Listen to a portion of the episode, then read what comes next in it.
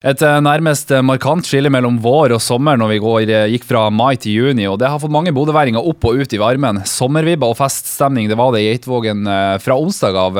Men spørsmålet er jo, tenker vi nok på koronarestriksjonene? Smittevernlege Kai Bryner Hagen, er sånne her tilsetninger smittevernmessig forsvarlig? Ja, nå må vi først og fremst glede oss over at, at det er fint vær, og at, og at folk som føler at de har sittet innesperra veldig mye av, av vinteren, eh, altså nå kan få komme seg ut og, og kan få være litt sosial også. Eh, det er jo veldig viktig eh, for oss, for de aller fleste nå, da.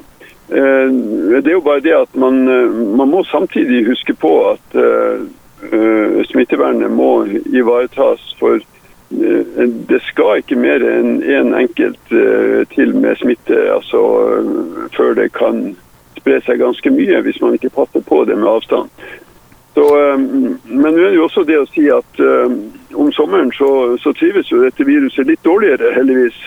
Og, og utendørs uh, smitte er jo veldig mye sjeldnere enn det som skjer innendørs. Sånn at uh, så måte så, så, er det jo eh, det, alt i alt en ganske gunstig situasjon. Og, Men hva er det vi må huske på når vi skal ferdes ute blant mange folk? Eh, vi må passe på eh, som ellers at, at vi ikke kommer altfor nært eh, innpå. At vi ikke klumper oss sammen så at det blir altfor tett.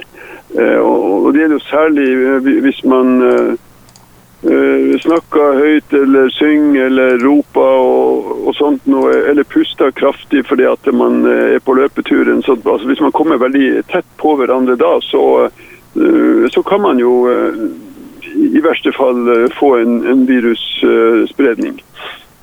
hvis en skulle være smitta uten å vite det, f.eks.